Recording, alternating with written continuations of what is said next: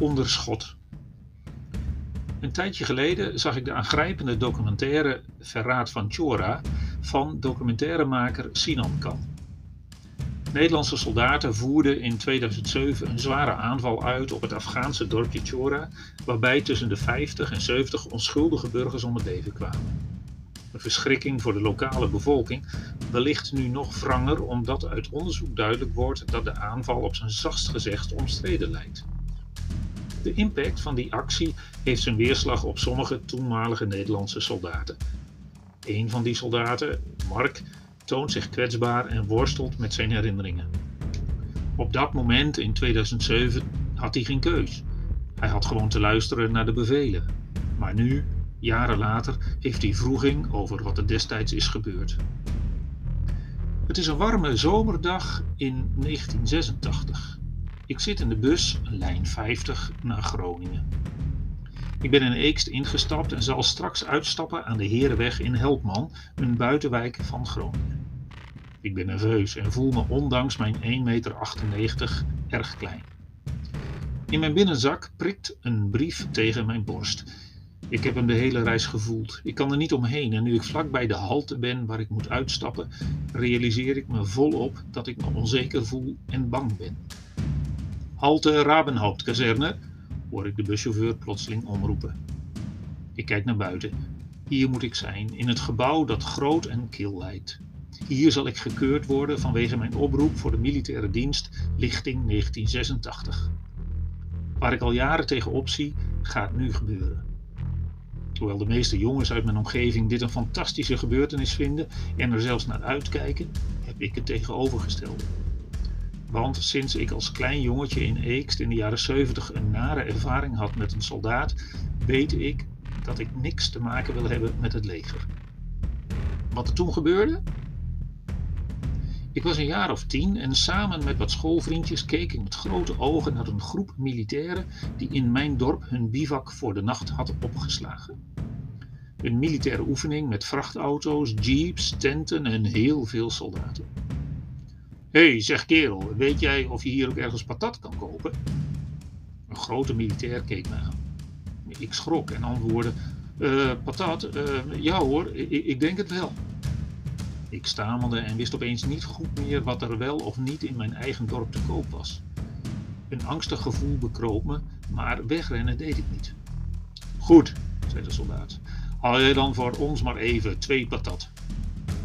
De man reikte zijn hand naar voren en ik zag een groen briefje van vijf gulden. Ik durfde niet te weigeren. Ik zag om zijn schouder een mitrailleur hangen. Ik pakte het geld en fietste snel weg. Kort daarna kwam ik terug met de patat en gaf het aan de soldaat. Het wisselgeld gaf ik hem ook. Hij pakte het geld, keek ernaar en richtte toen plotseling zijn mitrailleur op mij. Op indringende wijze vroeg hij me of dit wel al het wisselgeld was. De seconden daarna stond ik aan de grond genageld. Mijn benen voelden opeens ontzettend moe. Mijn armen en handen begonnen te trillen en een enorme angst overviel me. Ik was totaal verlamd en durfde niks te zeggen of te doen. Natuurlijk was dit al het wisselgeld. Natuurlijk had ik niks achtergehouden. Maar de op mij gerichte mitrailleur zorgde ervoor dat de woorden in mijn keel bleven steken. Hé, hey, eens op zeg, doe eens normaal man. Een andere militair was erbij gekomen en sprak zijn collega aan. Die keek op en reageerde meteen. Hij liet zijn wapen zakken en stopte het wisselgeld in zijn zak. Gaat het, jongen? vroeg de tweede soldaat die me vriendelijk aankeek. Ik knikte behoedzaam en deed een stap achteruit. Dankjewel voor de patat hoor, je hebt het goed gedaan. Maar ik hoorde het amper. Ik deed nog een stap achteruit. En net voor het moment dat ik me omdraaide en weg wilde gaan, zag ik de grijnzende kop van mijn belager. Met trillende lippen en tranende ogen liep ik daarna weg. Terug in 1986 verloopt de keuring zoals gepland. Ik word gewogen en gemeten. Mijn bloeddruk, hartslag, gehoor en ogen worden gecontroleerd en daarna volgt een individueel gesprek. Een koude, kille kamer, kale witte muren, een groot bureau met daarachter een stoel met daarop een militair en een indrukwekkende snor. Hij wijst me een houten stoel en gebaart me te gaan zitten. Zonder dat hij me aankijkt, zegt hij: Zo, Talens, alles oké? Ik knik, maar ik zeg niks. De man bladert wat in een stapeltje papieren, kijkt me dan opeens aan en glimlacht. Aha, ik zie dat je studeert aan de PABO. Dat komt goed uit. We zijn altijd op zoek naar leidinggevenden. En uh, ja, laat ik het maar zo zeggen, soldaten zijn net kindertjes. Ze doen alles wat je zegt en precies perfect luisteren ze ook. Uh, dus ik neem aan dat je officier wil worden, toch?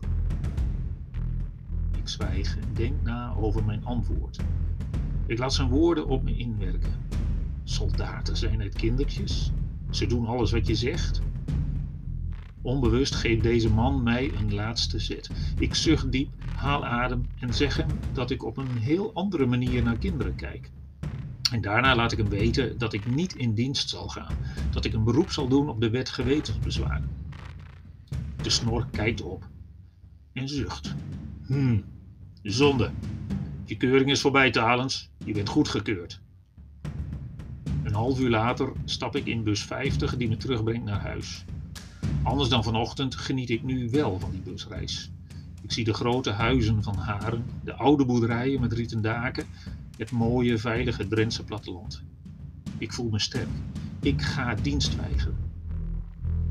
Wat volgt is een langdurige procedure van gesprekken en verantwoording afleggen. Maar dan, op 7 oktober 1987, lees ik in een officiële brief van het ministerie van Defensie dat ik ontslagen ben uit militaire dienst. Wel moet ik vervangende dienst vervullen, maar dat vind ik prima. Alles beter dan soldaat te worden, die moet gehoorzamen aan de bevelen waar ik het wellicht helemaal niet mee eens ben. In de documentaire van Sinan Khan toonden sommige soldaten vroeging over de daden die zij moesten uitvoeren. Hun twijfels grijpen me aan. Hun onmacht is precies de reden waarom ik destijds een ander pad verkoos.